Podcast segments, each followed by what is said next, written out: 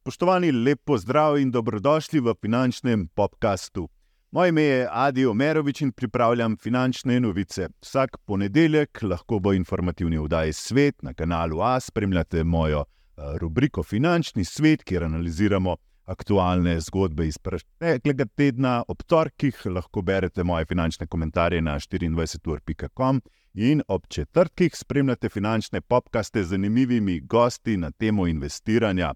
V preteklih dveh tednih smo govorili o kriptosredstvih, prejšnji teden o nepremičninah, ta teden pa bolj podrobneje o delnicah, o delniških trgih in zato vam predstavljam današnjega gosta, Davida Zormana, upravitelja premoženja iz General Investments.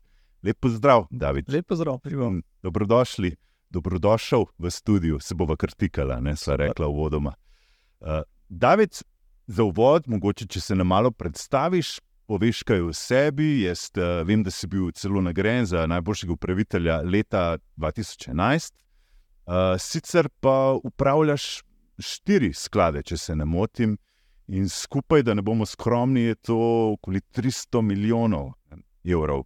Tako je. Ja. V bistvu, začel sem svojo pot uh, leta 2006, uh, ravno v zadnjem stadiju nekega bikovskega trenda, uh -huh. uh, ki se je potem zelo hitro tudi zaključil. 2008-2009 uh, smo doživeli uh, globalno finančno krizo, uh, delnice so takrat upadle, v Ameriki tudi več kot 50 odstotkov. Začetki so bili kar razborljivi. Ja. Uh, no, takrat je že dolga pot, uh, pridobili smo nekaj izkušnje uh, in zdaj upravljamo majčkam več denarja. Uh, zaposlen sem pri General Investments, kjer uh, ponujamo uh, vlagateljem vzajemne sklade. To so skladi, ki vlagajo na delniške in na obvezniške trge. Mhm. Ti, ti konkretno upravljaš se pravi z ameriškimi skladi, z uh, tudi medicinski nek sklad je, uh, tem je tehnološki sklad, mislim, da pa še en, sem pozabil. Ne? Ja, štiri so, no, s fokusom nekako na globalne trge. Na globalne. Uh, večinoma naložb je pa seveda potem v, v Ameriki, ne, na ameriškem kapitalskem trgu. Um, ja, recimo tehnološki sklad, ki sem ga prevzel, mislim, da je bil uh, velik en milijon evrov. Uh, danes je pa že preko 80 milijonov evrov. Ne, tako da wow. uh, so, so, so zelo pozitivne uh, spremembe se zgodile v tej moji zgodovini, tudi ta zdravstveni sklad kot si omenil, ne, uh -huh. uh, ima za, za sabo lepo preteklost, pa upamo in verjamemo, da tudi lepo prihodnost. Kje si ti dobil prvotno to ljubezen do financ? Ja, mislim, da se je začela z to, uh, da je nacionalno certifikati, certifikati ki so bili ja, 90. Ja, že takrat smo dobili nekaj papirja, ja. kjer je gor pisalo, koliko uh, denarja imaš, nekaj nekaj farmeri. Free money, ne tako. Tako, wow, to pa nas bo. že takrat to zanimivo. Ne? Ja, ja, uh, Dajmo nekaj iz tega narediti. Kako bi zdaj to investirali, da bo nekaj iz tega več ratan? Ampak takrat nismo mogli to vložiti na ameriške trge. ja, smo mogli. So lo lokalne zgodbe ali ja. neke zgodbe, ki se potem niso dobro zaključile, mm -hmm. uh, kar je škoda. Ampak mislim, da je bila takrat ta poteza zelo dobra. Mm. Uh, če bi bila izpeljana v popolnosti, uh, tako kot bi se bi mogla biti, uh, bi bili Slovenci danes bistveno bolj bogati kot smo. No? Ja, ja. V bistvu smo malo uh, zavozili in z NKBM, uh, balkanskimi delnicami. In danes tudi ljudje, vem, ko, ko to spremljajo, si mislijo, da oh, je spet neka mučka, ne? spet bo nekaj narobe, tlele, spet hočejo nek denar. Ampak pravzaprav je zelo narobe, ne? ker če bi gledali recimo ameriške trge, pa nekaj, sem imel pa čez druge zgodbe, ne? sem imel uspešne zgodbe in Amazon, Google in uh, Tesla, v končni mm. fazi. Ja, zavedati se moramo, da je naš trg, ja. prav regionalni trg, zelo majhen, praktično v globalnem kontekstu obskuran. Ja. Um, so pa tukaj dobre zgodbe, ne pa vse. Ne? Bilo je nažalost, kot si omenil, teh par uh, negativnih zgodb, ki pa so bile prisotne v, uh, pri veliko ljudeh. Mm. V NKBM mislim, da je investiralo prek 100 tisoč ljudi. Uh, in ta zgodba se ni potem pozitivno zaključila, in to sedaj ljudje enačijo z delniškimi trgi, ne? z delnicami nasplošno, uh, kar pa ni res. Kot si omenil, ne? imamo razvite delniške trge, na drugi strani luže, ki imajo za sabo sto let uspešne uh, zgodovine. Mm. In to so trgi, na katere tudi mi želimo, da naši uh, vlagatelji investirajo. Sicer se je dalo investirati že 2-5-2-6 na ameriške trge, ali je to zdaj nekaj? Ja, 2-5-2-6 se je začel. Uh, niti... Predtem sploh ni bilo te opcije. Predtem so bile opcije zelo omejene. Zelo omejene, ni bilo skladov, tudi teh borznih hiš, ki bi tja investirale, uh, ni bilo. Um, tudi poznavanja znanja, kako tja investirati, praktično ni bilo. No. Vse se je investiralo tudi leta 2000, samo to so bili redki. Uh, uh, osamljeni primeri. Mm. Ni bilo tega masovnega investiranja na globalne delniške trge, kot ga recimo omogočamo mi danes, ali pa kot je mogoče danes vsakmu preko telefona. Mm. Takrat so bile uh, te poti, kako prideti tja, teže, bolj zapletene in mogo si imeti določeno znanje, da si lahko vse to šel. Mm. David, uvodoma, da vas se dotakne aktualnih novic, aktualnih stvari, malo podebatirajva, kaj se dogaja uh, na trgih. Uh, seveda bomo imeli v spredju ameriški trg, kjer je nekako tudi najbolj zanimiv, največ se dogaja tam. Um, od 1. novembra dalje uh, vidimo skokovito rast. Ne? Celo um, najboljši teden v, v letu je bil in tako uh, velik odboj se redko zgodi, tako silovit odboj. Po, po tri mesece smo padali, pravzaprav so trgi padali, uh, potem velik odboj. Posledično, zato ker so tudi donosi na, na uh, obveznice padli nekje za 50 bazičnih točk. Ja, letošnje leto je na teh globalnih, ne, recimo na ameriškem trgu, načeloma kar dobro leto za nami. Pričakovali smo slabše leto, ampak se je potem zgodba v bistvu zapeljala nekako v pozitivno smer. Za nami je bil ta september, ki je sezonsko slab mesec, uh, načeloma delnice takrat v povprečju zanihajo navzdol. Zdaj smo pa že v novembru, uh, ko pa delnice nekako sezonsko gledano bolje reagirajo. Mm. Uh, Tako, zdaj se tudi začne ta Santa Claus Rally, ponovadi v novembru se že začne in traja potem do. Če gledamo ja, malo zgodovino, ponovadi, ko so delnice čez leto v plusu, pa, pa nekako predelamo ta september, uh, oktober. Ja. Uh, in potem, če so delnice že v plusu, se tudi pričakuje, saj kot kaže zgodovina, nekako tudi pozitiven zaključek leta. Ne? In zdaj se že omenja ta božični reli. Uh, kaj pa se zgodi nekako v praksi, ne? takrat majčkom prometi na borzi upadajo, če so vsi zadovoljni, ne prodajo delnic in pustijo, in potem nekako ta zgodba sama sebe uh, dviga in dobimo ta nekak zaključek pozitiven zaključek leta. Mm. Seveda, če ni nekih nepredvidljivih dogodkov na globalnem kontekstu, da je vse tako, kot je nekako zdaj, mm -hmm. uh, lahko tudi letos pričakujemo. No, tudi moje mnenje je, da bo leto uh, se končalo v pozitivnem tonu. Uh, je pa še vedno potrebno biti previden. No? Saj, saj, ko sem par zanimivih novic najdel, recimo Mark Zuckerberg, ki je včeraj uh, spostavil, da bo tudi prodajal delnice Mete. Zadnji, ko je to na redu je delnica padla za 85 odstotkov. Ne. Potem uh, šef uh, banke JP Morgan, uh, Jamie Dimond, je prav tako začel uh, reči, da bo do začetka leta prodal veliko vsoto. Zdaj ti insideri, ne, ja. sniki, uh, vedno nekako prodajo, ali pa mislim, ne kupujejo. No, Ponovadi delnice jih prodajo, ne, ker ja oni so veliki lastniki in kdaj tudi pač rabijo kakšen denar, da, da si kaj prvoščijo. No. Tako da ni pa to nek dober indikator, kaj se bo dogajalo na splošno na delniških trgih, ne. kdaj ti insideri prodajajo delnice. Mm -hmm. Tudi prodajajo se v začetku leta, pa vidimo, da so danes tečaji višji. Ne. Tako da je nek indikator, mogoče za kakšno delnico pomemben, ampak na splošno za trge pa ni to indikator, ki bi kazal, kaj se bo mhm. dogajalo na delniških trgih. No. Mislim, Če, če zdaj pogledamo, kaj se pa dogaja. Ne? Fed je rekel, se pravi, ameriška centralna banka, niso dvignili dodatnih uh, obrestnih mer, uh, brezposobnost je poskočila za nič celih en odstotek. In to je bil že dovolj močen indikator, da so delnice poletele. Pravzaprav, uh, kaj je tle spodbudnega? No? ja, Zavedati se treba, da je letošnje leto ne? uh, nekako hoja po robu. Yeah. Ja. Centralne banke imajo moč, da dvignejo obrestne mere. Če bi želeli, ne, bi jih lahko dvigali še bistveno več. Ampak je že zdaj uh, zelo kritično, nekatere manjše banke že zdaj padajo. Ne? Tako, pač oni ne želijo, da jih dvignejo preveč ja. in niti ne premalo. Se pravi, hodijo po robu. Če bi jih dvigali preveč, bi imeli seveda tako recesijo, odpuščanje in tako naprej, kolaps vseh projektov, ki so Ne bi se več o inflaciji pogovarjali. Ja. Ne bi se kar naenkrat začeli pogovarjati o inflaciji. Bi, če ameriška centralna banka bi dejansko lahko dvignila obrestno mero iz 5 na 10, čez noč. Ja. Seveda bi potem kolapsirali delnice in tako naprej, in cikl bi se zavrtel navzdol. Tega ne želijo. Ja. Ne želijo pa tudi premalo dvigati obrestne mere, ker pa to pomeni, da bo inflacija dalj časa z nami. Ja. Prav, hodi dejansko že celo leto nekako po robu. Oni, oni pravijo, da so data dependent, se pravi, da gledajo na, na, na podatke iz eh, trga dela, iz gospodarstva in tako naprej. In zaenkrat, če smo iskreni, jim uspeva, kar delajo uh, idealno. Se pravi, nismo dobili recesije, ki se je pričakovala za celo leto letos, se pravi, se je odlagala, je ni, trg dela je uh, še vedno močan, uh, zaposlenost je visoka, inflacija se pa znižuje. In pričakujemo, da se bo zniževala še naprej.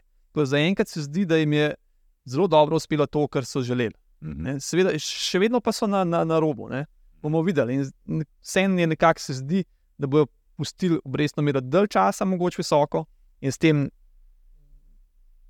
do, določeno uh, recesijo povzročili v manjši meri, uh, kot pa da bodo obrestne mere uh, prej um, uh, znižali.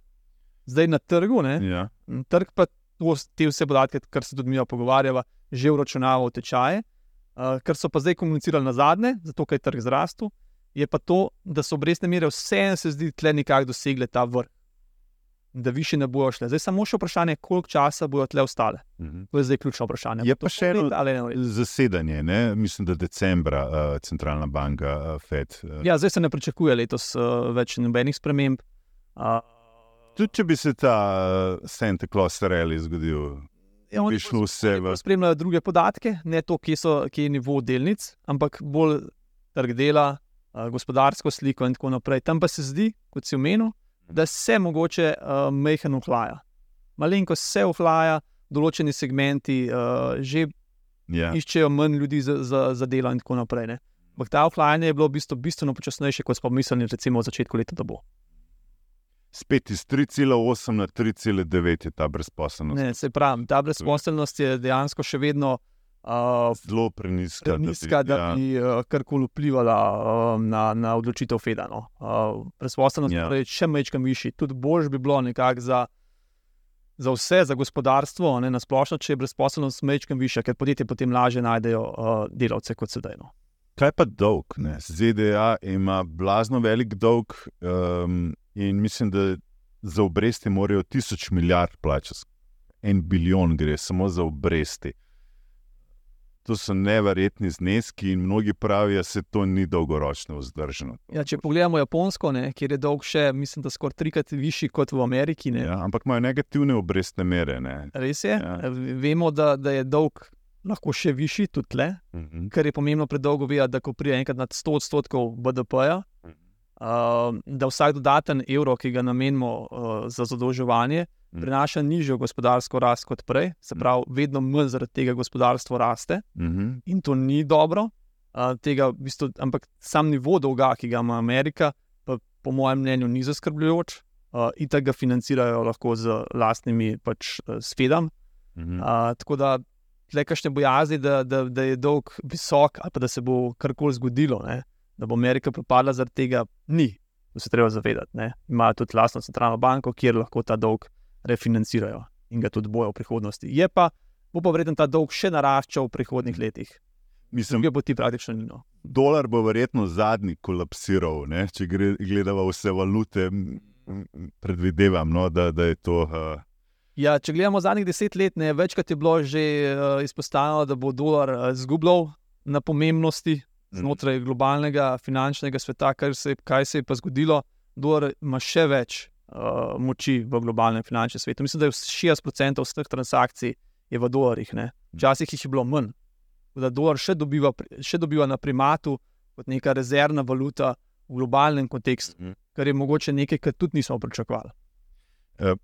Če probava zdaj razložiti, ne, kako je ta trg s tem dolgom, obveznicami in tistimi donosi, ne, ki so padli za 50 bazičnih točk, kar je povzročilo skok delnic, uh, kako pravzaprav vse to funkcionira. Ne? Se pravi, um, država kot je Japonska, ki so jo prej izpostavila, recimo, oni so veliki um, kupci ameriškega dolga oziroma obveznic. Ja, če pogledamo na svetu, ja. uh, globalni trg delnic uh, je trenutno velik okoli 100 bilijonov. Prav 100 tisoč milijard. Ja. Rečemo samo 100, ne, da si lažje predstavljamo. Ja. Globalni trg obveznic je velik 130. Mhm. Nepremičnine so 350, od tega stanovanske 250, potem imamo trg za taki velik 13 bilijonov, pa kripto, recimo, če omenjamo, ki je velik 1,3 bilijona, uh, pa nek, da da še nek Apple zraven, ki pa velik 2,67 uh, bilijona dolarjev trenutno. Ne? Se pravi, najpomembnejši trg na teh kapitalskih trgih je bil vedno nekako obvezniški trg. Ne? Ker se tam, ko se je tam kaj zgodilo negativnega, uh, je to vplivalo tudi na delniški trg. Uh mhm. -huh. Zdaj, mogoče v zadnjih obdobjih se mečkam spremenja, ker ta razmerje delnice so mečkam pridobile v primerjavi z obvezniškim trgom, relativno, ne, koliko je velik trg. Uh, tako da, ja, ampak še vedno te obrestne mere vplivajo um, tudi na, na, na, na, na delniške trge, seveda, ne, ker vsi se zadolžujejo, podjetja se zadolžujejo. Ampak dejstvo je, pa, da, da v zadnjem obdobju je teh podjetij, ki so odvisne tudi od obvezniškega trga, manj. Apple, Microsoft, njih ne zanima, kje so obrestne mere, dokler te ne vplivajo na poslabšanje splošne gospodarske rasti. Ker ti ta podjetja delajo presežna denarna sredstva, imajo toliko denarja, da ne rabijo se zadolževati. Tako da ti uh, obvezniški trgi, seveda, vplivajo na, na svet in na globalno ekonomsko sliko, ampak ne več to, kot so včasih. Uh mhm. -huh. da, um, so pa pomembne, ne? obrestna mera, višina obrestne mere je, je, je pomembna. Uh, in zato morajo dvigovati oni v bistvu te donose, da, da bi privabili kupce, ki bi kupovali obveznice. Ne? Zato rastejo te donosi, ne to, da, da malo to. Tudi, Uh, Težko je zdaj tle. Uh, zakaj rastejo? Uh, rastejo, seveda, najprej začnejo rasti, ker nek, nekdo prodaja, nekdo kupuje. Ne? Mm -hmm. Recimo, ameriški dolg so nehali Kitajci kupovati. Uh, pa tudi uh, zdaj, zdaj, recimo, ga pa kupujejo Japonci, ne? ker je tam obrestna mera višja. Mm -hmm. uh, donosi na, na vem, 10 ali pa 20 letno ameriško obveznico so višji kot uh, na, na grško. Mm -hmm. A, tako da ameriški dolg je trenutno privlačen in mislim, da, da ima trenutno kar dost kupcev, um, da, da, da ta njihov dolg kupujejo, ne? ker je bistveno višja obrestna mera kot recimo v Evropi. Uh -huh, uh -huh.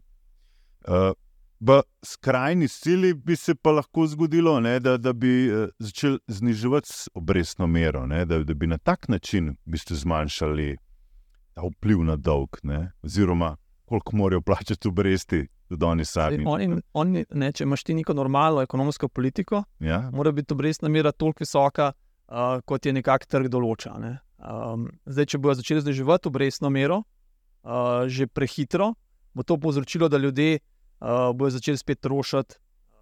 Da, da bi inflacija spet odvijala nazaj. Mm. Tega seveda ne želijo. No? Tako da bo ta obrestna mera, po mojem mnenju, ostala dalj časa nekako visoka, kot smo pa mislili. Mm. Zdaj, če se dotaknemo inflacije in nafte, ne, nafta vidimo, da kljub um, tem konfliktu v Izraelu in, in eskalaciji um, ne pridobiva uh, dodatnih uh, cen, ne se ne viša, ampak pravzaprav cena nafte pada. Mislim, da je bil Brent, da je dosegel 80 celo in bi šel lahko še nižje. Ne. To je dober znak, ne. to je pravzaprav tisti ubijalec inflacije, glavni.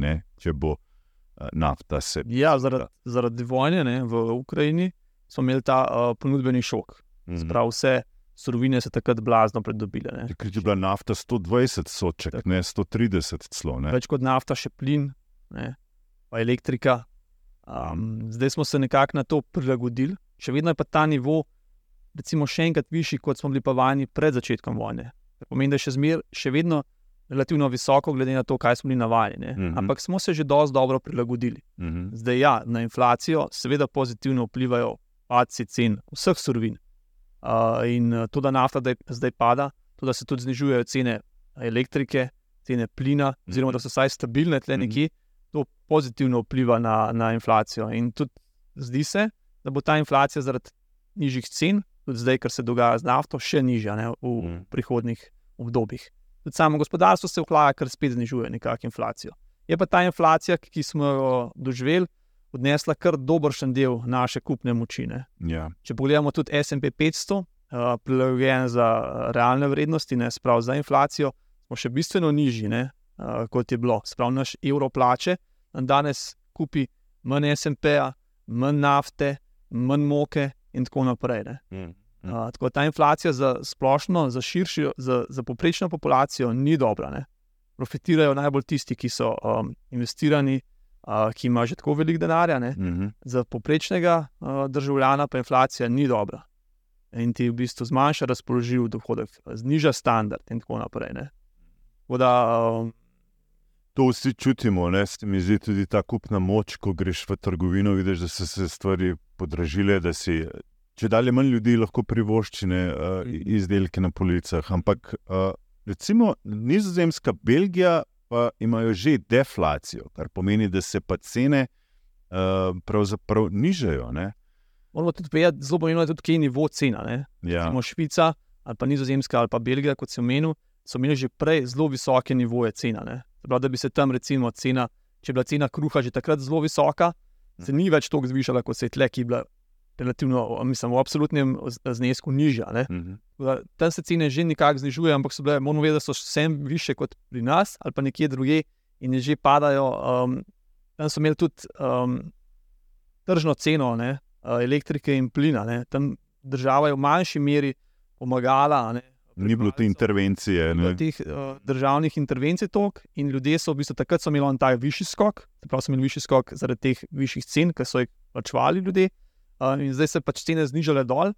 Pri nas pa nismo imeli tega visokega skoka, pa se tudi zdaj cene nikakor ne, ne znižujejo. Ne? Mm -hmm. Zaradi tega uh, tam prihaja do, do, do, do deflacijskih že pritiskov. Nekak, ne? Ampak še vedno so pa cene više, kot so bile pa mm -hmm. pred uh, začetkom te inflacije. No? Mi, mi smo še vedno nekje na repu tukaj. Ne? Še zmeraj smo, mislim, da Slovaška, Hrvaška, Slovenija čisto na koncu nad 6,6 odstotna in ja, zelo visoka. Ja, včasih je veljalo, da je Slovenija tako kakšno leto ne, za, za Ameriko, kar se zgodi tam pri, pri nas, če se zgodi čez kakšno leto.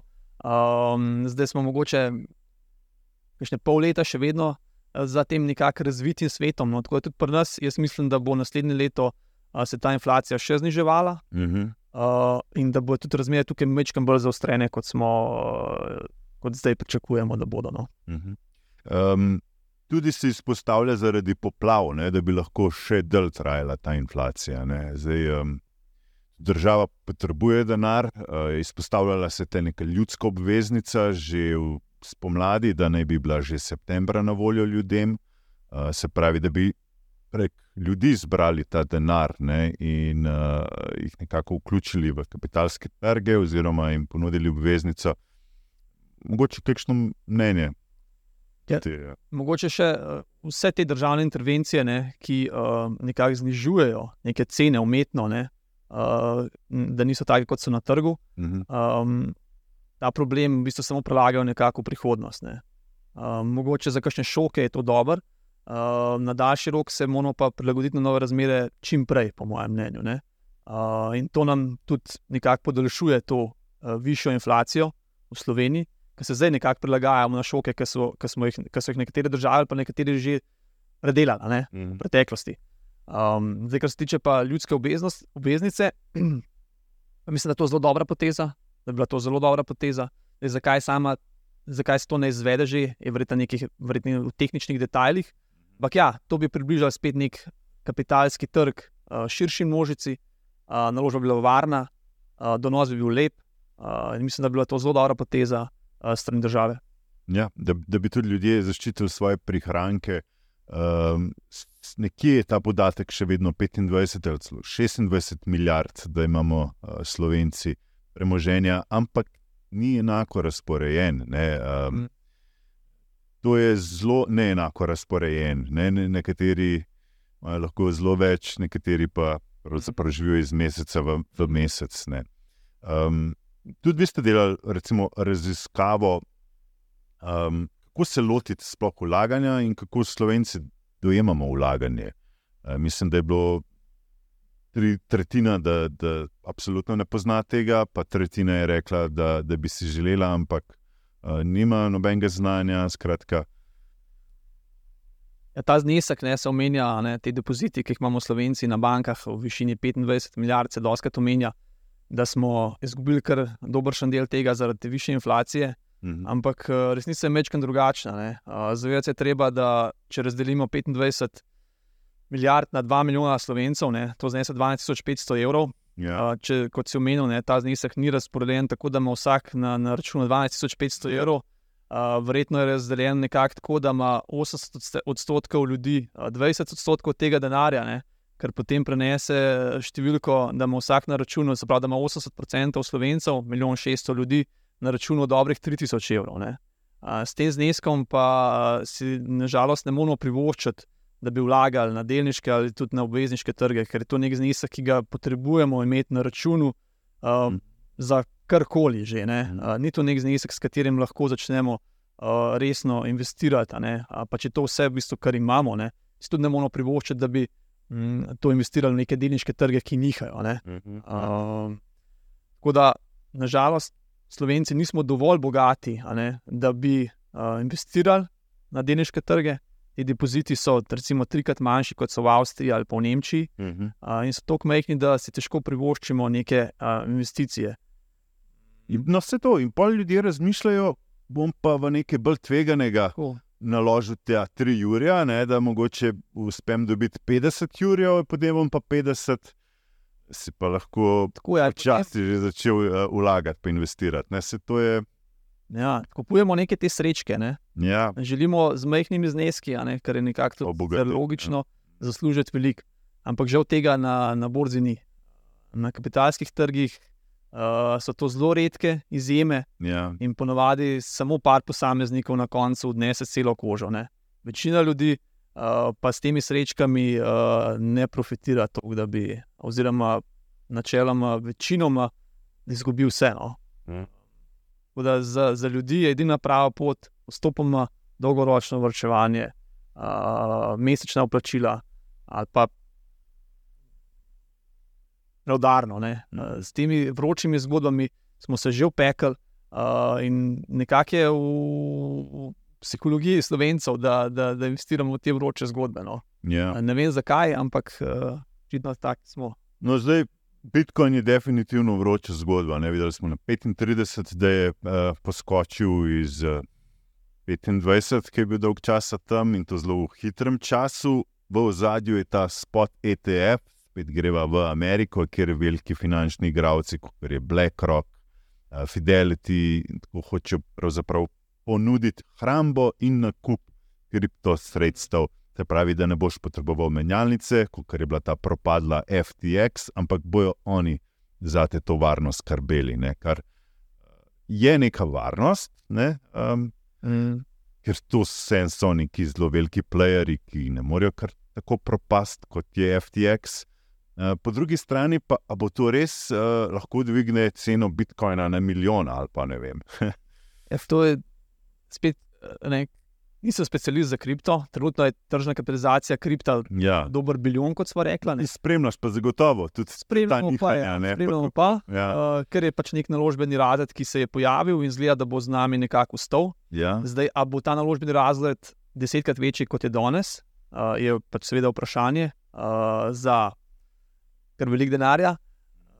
Uh, ali ga bo uspelo uspešno zmarketirati, ali bo dovolj povpraševanja, da bo Bitcoin še naprej rastel koliko bo zgodb pomes, uh, ki bodo klavrno propadle. Jaz bi celoten naložbeni razred um, za povprečnega neka, nekega investitorja rekel, da je to kot neka začimba. Če že, že želi, če ga to zanima, če ima željo, uh, naj sam del sredstva nameni temu razredu. Mm. Ne pa da uh, tja nameni 100 odstotkov svojega portfelja, uh, ker vemo, da je še vedno zelo volatilen, uh, še vedno je veliko enih zgodb, ki se ne bojo uspešno mm. uh, zaključile. Uh, tako da jaz bi svetoval previdnost, če pa že, uh, pa nek, uh, neko začimbo mm. in da se tam večkrat igrajo. Če, če sem jaz prav poštekal, v bistvu bojo oni oblikovali kot sklade. Ne? Kot se so vodoma pogovarjali, imamo nek tehnološki sklad, pa medicinski sklad. Pa, vem, uh, oni bojo zdaj nek kriptosklad ponudili. Ne? Isto, ne? zdaj bo to 60 odstotkov bitcoina, 80 odstotkov mhm. bitcoina, 200 odstotkov eteriuma. Uh, uh, skratka, verjetno samo dva ali pa tri, mogoče kriptosredstva. Um, ja, in na tak način bi vidiš prihodnost, da boste tudi, vem, tudi v Sloveniji, da bo mogoče kupiti tako. Sklad je samo lažja oblika, ne, kako priti v ta svet kripta. Ne. Zdaj si mogo odpreti neke račune. se registrirati na menjalnici. Nekaj tehnološkega znanja se potrebuje, ko vse gre za neke kode, ne? v bistvu zamenjaš fiat denar za neko kodo in potem te kode premikaš. In uh, je zoprno, ne? ker moš tudi to mreže poznati, pa ERC20, pa UN, pa da ne narediš kiksa, ne? ker lahko zgubiš. In uh, mnogo ljudi je bilo, seveda, žučnih, ko se s tem mogli ukvarjati. Ne? Zdaj je to lažje. Zdaj je prihajal ta tradicionalni svet. Ja, ja. Uh, bolj, Tako kot Apple, boš kupil Bitcoin. Ja. Bo lažje zdaj, ali zaradi tega bo več vprašanja, ali ne, bomo videli. Um, je pa predvsem ta uh, lažja dostopnost ne? zdaj do, do kriptosveta, uh, ki se odpira, in poč, po teoriji bi to lahko povzročiti večje povpraševanje. Um, uh -huh. A bo res, bomo pa seveda videli. No? Uh, jaz, ja. Malo dvomim, ampak ja, trenutno je, je spet nekako prihaja bolj v spredje. No? Poznaš naš svet portfelj? Videl sem, ja. ja. Vsak teden v bistvu spremljamo ljudem tudi kažemo, na kakšen način gradimo pozicije, ne, kako ga postavljamo. Um, ljudje se nam tudi pišejo, da če bi vse dali v Bitcoin, bi danes imeli veliko več, ne, tako imamo pa samo nekaj 100 evrov plusa. Ne. Mi smo sicer samo 10 tisoč evrov uh, namenili za investiranje. Um, ja, To hočem izpostaviti. Bitcoin, tako kot zlato, ne prinaša dividend. Ne. Delnice prinašajo dividende in imajo nek denarni tok, um, imajo prihodke. Je slika veliko bolj jasna. Ne. Na zadnje so govorila prej tudi o dolgu. Ne. Tista podjetja, ki imajo visok dolg, bojo teže šla čez to težko obdobje visokih obrestnih mer in recesije. Um, mogoče tle, tudi uh, kako ti gledaš na portfelje, kako se sestavljate, pravzaprav vaš neki sklad. Ne? Se to je kot portfelj, si jaz ja. predstavljam. Ja, ja, ja. Recimo, ne, um, zdaj smo rekli, da je Bitcoin ali pa kripto. Ne? Imamo eno naložbo. Ja. To je ena naložba. Ja. Če pa se stavimo nek portfelj delnic, imamo tam 40, 50, 60, lahko tudi 100. In se pravi, ta portfelj bistveno bolj razpršen. Če nekateremu podjetju ne gre dobro, bo kakšno drugo prišlo, ki mu gre dobro. Mm. Ta portfelj se v času spremenja in naše naložbe, recimo v naših skladih, so danes drugačne, kot so bile deset let nazaj. So drugačne, kot so bile dvajset let nazaj. Mm -hmm. Bodo čez deset let spet drugačne. Ne? Bitcoin je pa še vedno skozi isti. Ne? In ta razpršenost potem tudi da neko varnost vlagateljem, mm. da nimajo vse v eni. Kušari, ne, ne vseh jajc, eno kušaro. Ta razpršenost potem na daljši rok tudi prinaša neko pozitivno, pozitivne premike. Ne? Ker podjetja, ja, ena propadajo. Ne? Vsako leto se zgodi, da kakšno podjetje propade. Mm -hmm. no, na drugi strani vsako leto tudi kakšno, ki uspe na novo, ki ga prej ni bilo. In ti naši portfelji in indeksi na splošno se spremenjajo, dodajajo, dodajajo naložbe, ki so uspešne, in umikajo ven tiste, ki so slabše, ki mm -hmm. propadajo. Uh, in bistvena razlika je, da, da, da, da, da dobimo z vlaganjem v neke sklade ali pa karkoli to razpršenost. Mm -hmm. In to je tudi zelo pomembno pri vrčevanju, investiranju na dolgi rok. Hm. Ko greš ti, recimo, pogledati neko podjetje, kaj so tisti indikatorji, ki jih, ki jih uh, spremljaš, ki si zelo pozoren? Uh, mi spremljamo načeloma v prvi fazi, naredimo analizo podjetja, se pravi, pogledamo prihodno poslovanje, našo, uh, na, ustavimo noter naše uh, predispozicije, kako bo podjetje poslovalo v prihodnosti, pogledamo trenutno vrednotenje. Gledamo, uh, Čaj, Pogledajte, koliko prihodkov ustvari podjetje. Se, Če bo te prihodke še v prihodnosti ustvarjalo. A veš, zakaj delnice dolgi rok rastejo? Ja, ker, ker ima prihodek. Ne? Ker povečujejo prihodek, ne, ob neki stabilni marži se viša tudi dobiček. Recimo Apple je imel 5-7 let nazaj prihodke pol manjše kot danes, dobiček pol nižji kot danes, cena delnice je bila pa verjetno ene petkrat nižja kot danes. Ne? Zdaj, znotraj enega leta ali pa znotraj nekega krajšega obdobja, delnice seveda nihajo uh mhm. -huh. in se premikajo zaradi različnih stvari, ampak na daljši rok, če podjetje ne bo povečevalo svojih prihodkov, uh, delnice tudi ne bodo rasle. Uh mhm. -huh. In mi spremljamo pač veliko enih stvari pri odločitvi, v katero delnico investirati. Uh mhm. -huh. Recimo, da omenim nekaj bolj aktualno temo. Začetka leta se je pojavila umetna inteligenca, ja. ta revolucija, uh, ki smo jo vsi spremljali. Um, mi smo takrat ocenili, da to ni neka vroča zgodba, ki bo z nami nekaj mesecev, ampak da smo ocenili, da to je nekaj, ki bo z nami nekaj let. Je to res taka sprememba, ki bo vplivala na naše življenje In brez teh rešitev, ki ti jih ponuja umetna inteligenca, bo izgubil konkurenčnost in ne boš več mogel poslovati. Uh mhm. -huh. Naša ocena je bila, da je to z nami uh, daljše obdobje in smo povečali izpostavljenost do naložb, ki so prisotne v tem sektorju. Uh mhm. -huh. Kupovali smo en video, kupovali smo Palantir, kupovali smo uh, Microsoft in tako naprej. Ocenjujemo, da ima ta podjetja še vedno potencial, da bodo povečevali prihodke, mogoče v trenutnih razmerah, ki prihajajo še toliko bolj. Ker razmere, ko bodo mehke zaostrene, ko bo gospodarska rast mehke nižja, boš ti še bolj potreboval rešitve, se pravi, softverske rešitve teh podjetij, ki ti omogočajo višjo produktivnost. Uh mhm. -huh. Zakaj? Ker bo, tvoje, ker bo tvoj dobiček že tako pod pritiskom, boš potreboval nekaj, kar ti ga v bistvu zvišuje. In ta podjetja, sem jih omenil, in še uh. -huh. nekatera druga, ti bodo to omogočala. In mislim, da je to nek nov trend, ki bo z nami vrsto let. Mhm. Da bo ta podjetja v prihodnosti bistveno višja, kot so uh, cene delnic njihovih, uh, cene delnic teh podjetij, bistveno više, kot so danes. To ni neka vroča zgodba, ki je z nami nekaj mesecev, ampak je nek trend, ki se bo nadaljeval. Da smo šli na začetku tega in to nekaj, kar, kar bo z nami 5-10 let. Mm -hmm. Dolg, tudi to spremljate? Spremljamo zadolženost, ja, v bistvu držav, ja. uh, podjetij. Tudi recimo, to je zelo aktualna tema, kaj smo delali pred kratkim, ko se je nekako nakazovalo, da bo obrestne mere dalj časa visoke, kot smo nekako mislili. Tako je. Ja. Higher for longer. Uh, smo pogledali vsa podjetja, ki jih imamo v našem portfelju, analizirali njihov dolg, koliko je velik v primerjavi z prostim denarnim tokom, ki ga imajo, yeah. Ja. da ga morajo refinancirati. In smo nekatera podjetja, ki morajo naslednje leto refinancirati ta dolg, oziroma je že na stopni, ki je nekako previsok, odprodali. Mm. Ta, to so tudi take aktualne teme. Ne? Ja. Uh, te lahko izpostaviš, kakšno? Ne vem, ko, ne, ne, vem, da ima recimo Disney ima zelo velik dolg, mi ga imamo tudi v portfelju, zaradi tega to izpostavljam. Mi smo gledali predvsem uh, podjetja iz uh, nepremičninskega sektorja, uh mhm. -huh. pa v Ameriki recimo neke uh, utility uh, naložbe.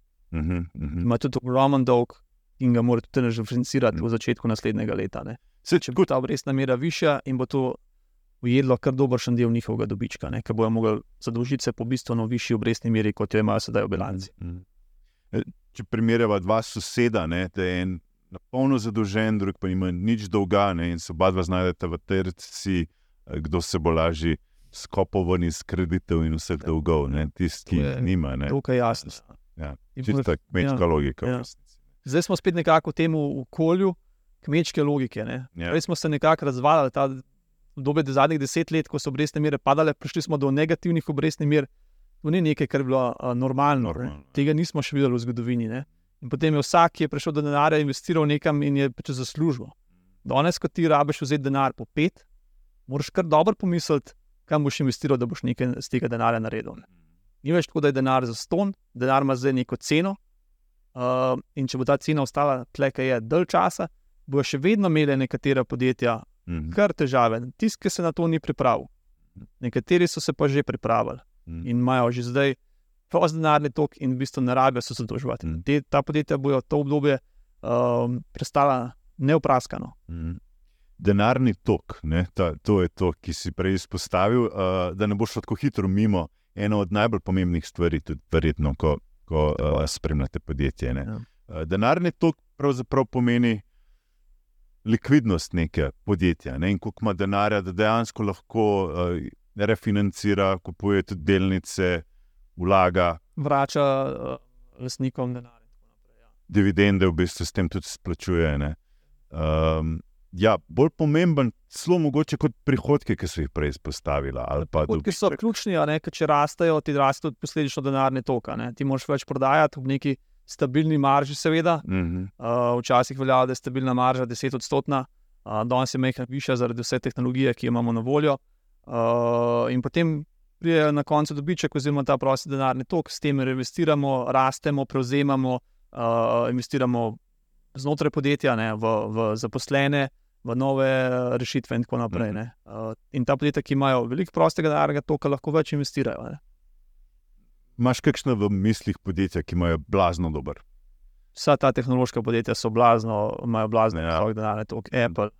Recimo, Meta, recimo, Meta, ne, lahko, izjemno. Znotraj Evrope lahko omenimo, ne vem, Nestle, mm. uh, farmacevti uh, zelo dobro poslujejo na dolgi rok. Mm. Uh, kar velikih eno. Zdaj, ki si farmacevte omenil, veliko se izpostavlja tudi to zdravilo proti debelosti, ne, ki je totalni hype zdaj. Ne. V ZDA mislim, da je Eli Lili proizvajalec tega, pa tudi vidimo, kako gre blazno gor pri nas v Evropi, na Danskem, na VO, Novo Nordisk. Mm, te tudi vidiš nek potencial še naprej, ali si misliš, da smo že zdaj preveč visoko? Ja, obe te podjetji, ne, ki si jih omenil, smo v naših podjetjih do, zelo dobro zastopana. Imate oba? Jih, ja, ja, smo jih tudi uh, že kar dolgo časa nazaj spremljali in smo mm -hmm. jih mhm. kupovali. Uh, videli smo ta potencial v teh zdravilih. Mm -hmm. um, zdaj, ja, vrednotenje trenutno je visoko, uh, hype je sigurno tudi prisoten. Ampak, če pogledamo malo številke, koliko ljudi to nekako rab, kaj dejansko dela, da stvar deluje uh, mislimo, da imajo ta podjetja še potencijalne. Mm -hmm. In na splošno cel farmacevtski sektor se nam zdi zanimiv, na daljši rok. Uh, Tle gremo nekako na te, reče se, demografske dividende.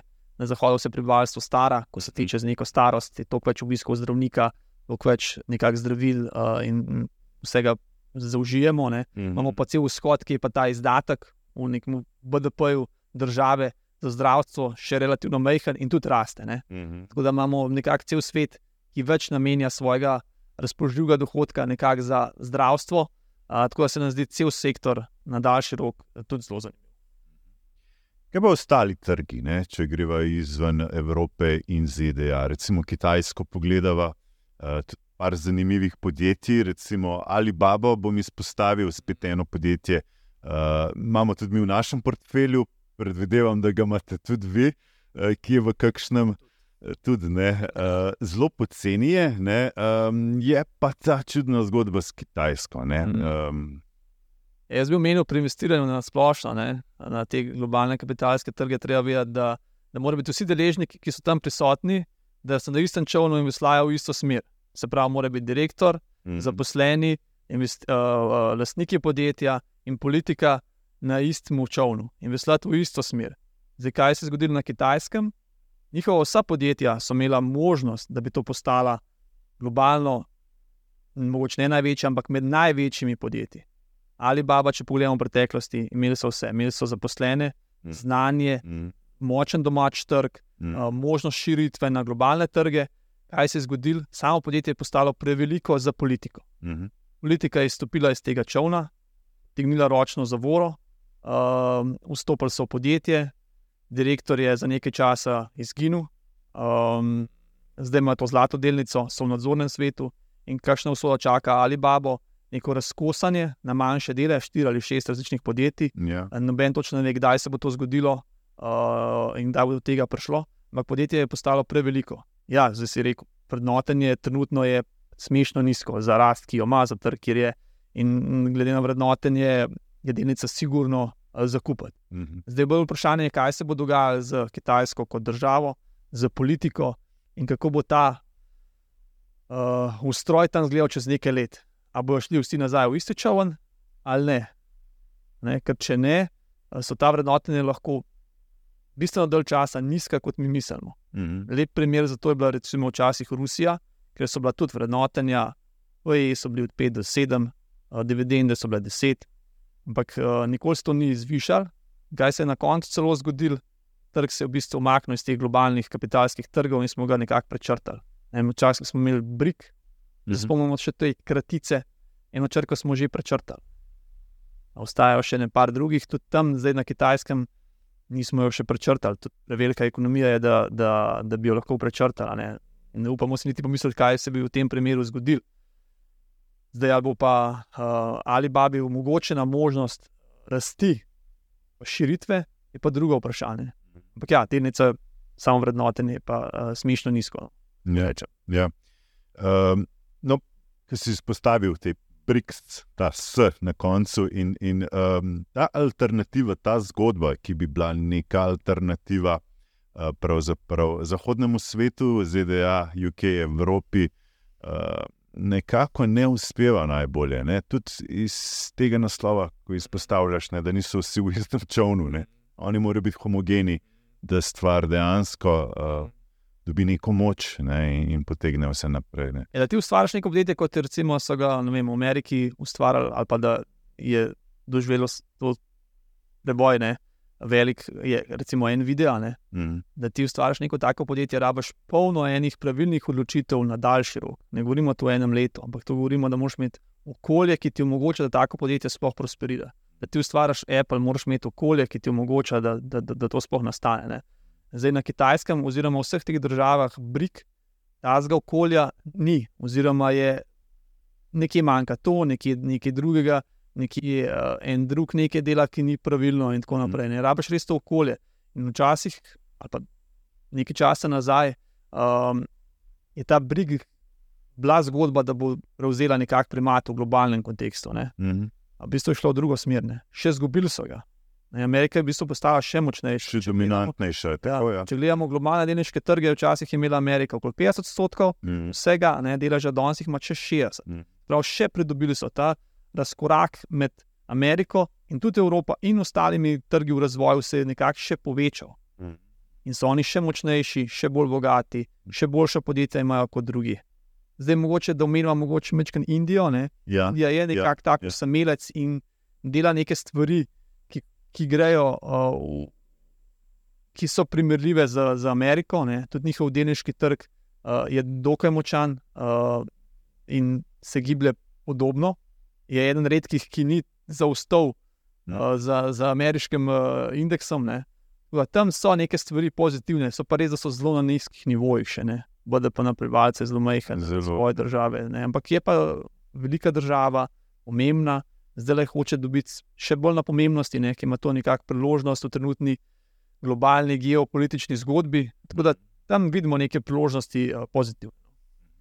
Uh, tudi Brazilijo, no, če izpostavimo. Uh, par dni nazaj sem gledal graf Brazilije in oni so od 2008, pravzaprav njihov če mu rečemo SP 500, ne, oziroma ta njihov indeks eh, brazilski je na, na vrednosti iz, iz takrat, tako je, je, je nizko. Ne.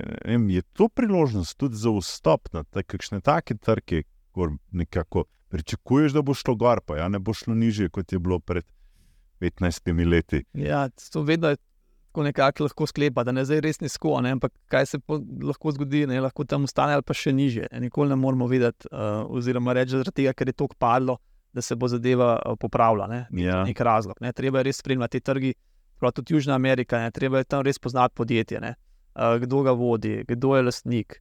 Uh, kakšne možnosti ima za rast, kaj lahko politika naredi, da mu škoduje, kaj naredi, da mu, da bo, ja. da mu prinese neko dodano vrednost. Ne.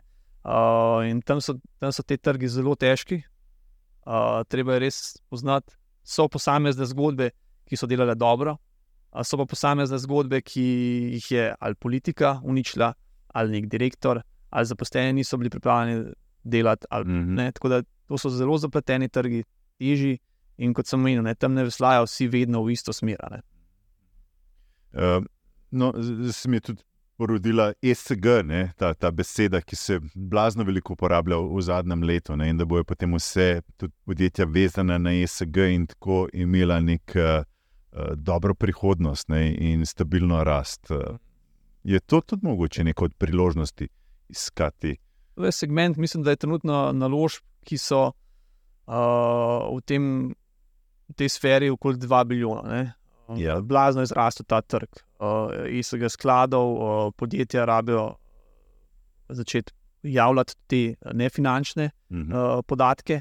Uh, tako da je, mi v generalju, ali pa tudi v naši družbi, mislimo, da je to prihodnost, da je to trend, ki bo z nami ostal dolg časa. Okay. Uh, vidimo, da, da uh, nekatere stvari, ki se igre Evropa na splošno, uh, so, so recimo pariški sporozum znižanje uh, CO2 izpustov do leta 2030 za 45 odstotkov, do 2050 uh, net zero.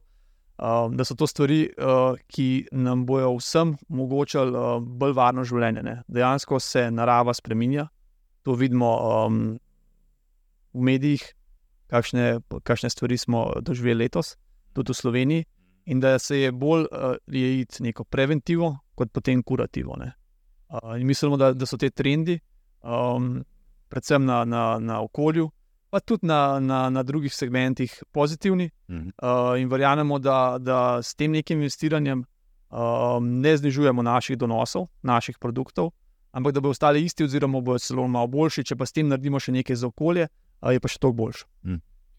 Uh, spet, ne, če pa gledamo, recimo, uh, velika podjetja, ki proizvajajo te sončne panele, ne, uh, in pa recimo v, v, v glavi imam, je pa all-time low dosegel zdaj. Ne, mislim, da so bili to veliki, veliki padci, ne, uh, se pravi, velikih podjetij, ki proizvajajo solarne panele.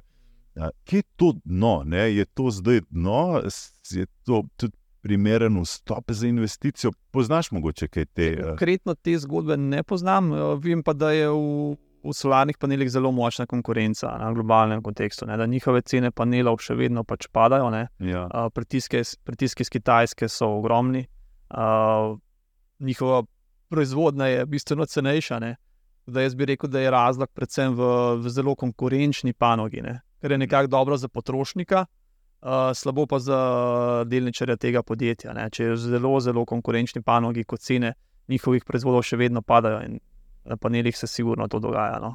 Bil je seveda zaradi vojne nek um, hype vmes, ne, ko so cene panelov nekako zrasle, ampak zdaj so spet v trendih, ko cene teh panelov uh, padajo. Mm -hmm. uh, ja, zdaj, kaj bi mogoče še glede finančne pismenosti lahko mi posveto, svetovala nekim posameznikom, ne? kako eh, se lotiti te postolovščine, ki še dodatno znanje pridobivati. Um, Paziti, da se seveda največ znanja dobiš takrat, ko se upečeš, se mi zdi. Ne? Ampak eh, spet ni eh, tako zmerno, da se upečeš, da ni preveč hudo. Um, ja, te izkušnje, da, da se upečeš, so kar neprecenljive. Ne? Jaz na srečo sem začel uh, takrat delati, ko sem se na začetku se obekal. Bolj se opeč pri 25 kot pri 40. Yeah, yeah. pa treba se zavedati, ne, da ko stopimo na neke te kapitalske trge, na delniške trge, yeah. da delnice nihajo. Ne, da vsake drugo leto je v povprečju padajo za vsaj 10 odstotkov, ne, to če gledamo zgodovino. Vsako šesto leto padajo vsaj za 30 odstotkov. Ne. In tega se treba pri investiranju zavedati, da ni to samo nekaj, kar konstantno raste, da nihajo, da tudi padajo, ampak je treba začeti investirati najbolj pomembno pri, pri investiranju je, uh, je podatek, da začnemo čim prej. Samo čas na daljši rok nam pomaga, da preživimo vse te pace, mm. vse te recesije, krize in tako naprej, ki so nekako stalnica. Mm. Uh, vedno imamo nekaj, neke negativne zgodbe in da je treba začeti čim prej in imeti res dolg uh, horizont. Ali začnemo zdaj, vrčujemo za pokojnino v produktih, za katere verjamemo, in uh, so uh, cenovno konkurenčni, se pravi, njihovi stroški so relativno nizki in na daljši rok prosperirajo. Mm. Mi smatramo, recimo v naši družbi, naši produkti, ki jih imamo, da so vsi taki produkti, ki na daljši rok bojo cene više, za vmes pa seveda različno nihajo in se različno gibajo. Ne, mm. pravi, ne ponujamo nekih vročih zgodb, če že samo za začimbo, da se tam tudi nekaj naučimo, ne, ker vsako, vsaka taka. Uh, znanje je dobrodošlo. Ne? Hm. Če v neke vroče zgodbe investiramo, pa se mečkano pečemo, da vidimo, kaj, kaj nam to tudi na psihologijo vpliva. Um, da, se ne, da, da se ne prestrašimo vedno. Ne? Hm. Recimo, mi izobražujemo uh, naše vlagatelje uh, redno. Ne? In kaj se nam je zgodilo, ko je, bila, recimo, ko je prišel COVID-2020, ko so delniški trgi padli za 30 odstotkov nekako smo bili na to, ne na COVID, ampak pripravljeni na to, da so tečaje visoke, ne, pa smo že prej mogoče komunicirali, da so delnice drage. Mi smo seveda vedeli, da bo prišel COVID, ampak se je slučajno zgodil COVID. Takrat smo komunicirali, da, smo, eh, da je naša ocena, da, da, da se bo svet na to prilagodil, da bomo nekako preživeli. Da ne bo konec sveta. Da, da ni konec sveta, in smo svetovali vsem, komor smo lahko, ne, javno, da, da, da smatramo, da so delnice za kupiti. Vemo, kaj se je potem od takrat naprej zgodilo. In kaj se je ja. zgodilo takrat? Dejansko smo imeli neto prilive v naše sklade. Ne? V navadi, ko trgi padajo, eh, mali vlagatelji ljudje prodajajo. Ja, prodajajo to je ta psihologija, te finančne upismenevanja, ki ja. je zelo pomembna, bistvena se mi zdi. Ne, ja. da, da... Veliko krat se zgodi, da prodamo na dnu, pa potem ne kupimo nazaj, pa delnice kar rastejo in rastejo in rastejo ja, se bojo padle, in polkar ne padajo, potem kupimo na vrhu spet, ja. potem padajo, in potem smo spet slabe volje, in potem spet majhen drsijo, in potem spet prodamo. In veliko teh napak delamo ljudje, mm. da, da kupujemo, ko je visoko, visoko. pa prodajamo, ko je nizko. Ne? Ta ja. psihološki moment na delniških trgih je zelo močen in treba se tega zavedati. In ko vstopamo na delniške trge, da bo do tega prišlo, in ne takrat, da takrat ne bomo prodali, ampak mogoče šele še dokupili. Mm. Mi pač pravimo takrat to komunicirati, zdaj a vsi poslušajo, ne, je odvisno, ampak tega, tega, tega se. To je mogoče zelo pomembno, se prej si eh, lepo izpostavil, ne, da je pomembno, da začneš zgodaj, ne, ampak pomembno je pa tudi, ko se zgodi taka priložnost, kot je bila recimo COVID, ja. ne, da pa uletiš noter z denarjem ja. in, in greš ja. olin. Ja. To je zelo, je pa težko, ne moreš biti, uh, um, ker je klen. Uh, Zelo težko. Najtežje je supati, takrat, ko nizko. Tu vsi prodajajo in bežijo. Delniški trgi so nekako zanimivi. Ne? V, v trgovini vedno kupimo, ko je kakšna ja, ja akcija, ja, popust. Ja, ja, ja. Na delniških trgih, ko se zgodi palec, pa vsi prodajamo. Ja, ja seveda. Tudi z Bitcoinom isto, se, to sem ravno en mim naredil, uh, včeraj, predvčerajšnjem. Ko, ko je bil po 16, ne, so vsi se bali, da ah, bo še bolj dol padal to bo zdaj na nuli, uh, in nobenega, takrat ne, redki so ga uh, kupovali, no zdaj je spet na 35 in še raste, bi pa vsi začeli kupovati. Ne. Če bo prišel na 50, 60, bojo pa sploh navalili še vsi, ne. tisti, ki prej niso. Ne. To je ta psihologija. Ja. To je ja, ta, je, da spremljamo te delniške trge taki podcasti ali pa pač vse, kar, uh, kar gre v nekako kontekst investiranja ja. na daljši rok, da to obstaja, da se ljudje izobražujejo, da spremljajo tudi sami, uh, ali pa da si poiščejo kakšno pomoč. Mm. Ja, seveda, ne, se, se, najslabše biti pa ali pa biti pameten. Ja, to gremo tudi k mehaniku, ne, ne popravljati, ali pa ja. z obe gremo k zobarju. Ja, ja, ja. Mislim, da je tudi veliko teh informacij, tako da moraš biti zelo že uh, previden, ne, kaj upoštevaš. Ne, um, Informacije je preveč. Ne? Preveč. Le z nekimi izkušnjami znaš izluščati, kaj je, kaj kaj je bistvo in kaj je dobro, kaj ni dobro. Ja, ja, Sploh, ja. Že tako, tako je na internetu, pol vsega. Uh, fake news. Uh, zelo težko je izluščati te prave neke informacije. Ne. Tudi ponudba informacije je neskončna. Ne. Ampak to šele z nekimi izkušnjami, uh, mislim, da pridobiš, ali pa z nekim izobraževalnim sistemom, ja. kjer podaja informacije, ki so preverjene. Da dobiš neko znanje. Ne? Mm. Zdaj, če se pa izobražujemo samo pre, preko interneta, je pa treba res biti previden, kaj brati, kaj je dobro, kaj je slabo, ne? da znamo to ločiti. Pa pa misliš, da se že koncu bližava, ampak je vedno dobro imeti neko zalogo denarja. Vem, spet bom iz našega svet portfelja štartov, mi imamo polovico v denarju. Um, Lih s tem namenom, ne? če bi se zgodil nek kreš, zdaj preko slede bi lahko leteli noter in izkoristili to priložnost. Je prvi tudi spol tako, da imate vedno nek cash fond v, v portfelju, Ja, mi znotraj naših skladov ja. imamo tudi enega, ki v bistvu investira v, v denar, ne, v zakladne menice, mhm. državne menice in tako naprej. Uh, in ko se zgodi, kreš pol iz tega, pretopi denar in nabavi. Uh, našim strankam v določenih trenutkih tudi svetujemo, da je ta naložba bolj primerna trenutno za nakup ne, ja. uh, in lahko nekaj časa živijo v tej naložbi, potem pa se vrnejo nazaj v delnice. Tako da je tudi ta možnost, tudi na splošno, ne vsak človek mora imeti neko uh, zalogo uh, denarja, uh, ne, uh, ne sme biti pač investiran po, v popolnosti. Uh, včasih se je dogajalo, da so kašni šli noter na, na vzvod, se pravi, da so zastavili neke delnice in so še dodatno. Ta denar, ki ga sploh niso imeli. Ne? Ne, ali pa so imeli recimo neke delnice kupljene, pa so ti zastavili za, za, za, za denar, pa so še ta denar investirali. Hmm. Prav so povečali svoj vzvod. Ampak potem, ko to zaniha na vzdolj, uh, to hitreje vse zgubimo. Ne? Mm. Kaj tazga, seveda, odsvetujemo v popolnosti. Um, treba je biti uh, samo tisto, kar si lahko privoščimo. In ne moramo staviti na to neko investiranje, da bomo pa čez noč zaslužili in od tega potem živeli. Mm. Ne, to je vrčevanje, uh, investiranje na dolgi rok za cilje, ki prihajajo čez 5-10 let in tako naprej. Mm. Delniški trgi niso nekaj, um, kar bomo danes kupili in pač jutri zaslužili. Žal. Mm. Uh, Veliko mladih se je zdaj mogoče malo skripto sceno razvadili, veliko se jih je tudi upekel.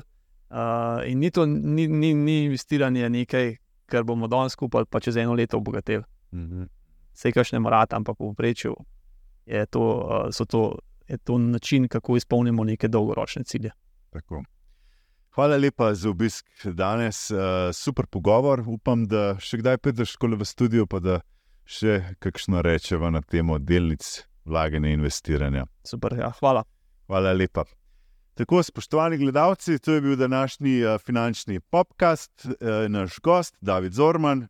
In uh, spremljajte nas ponovno ob ponedeljkih, uh, rubriko v sklopu informativne oddaje Svet, finančni svet, ob torkih komentarje naše finančne na 24.com in naslednji četrtek ponovno finančni podcast. Hvala lepa za pozornost in lep pozdrav.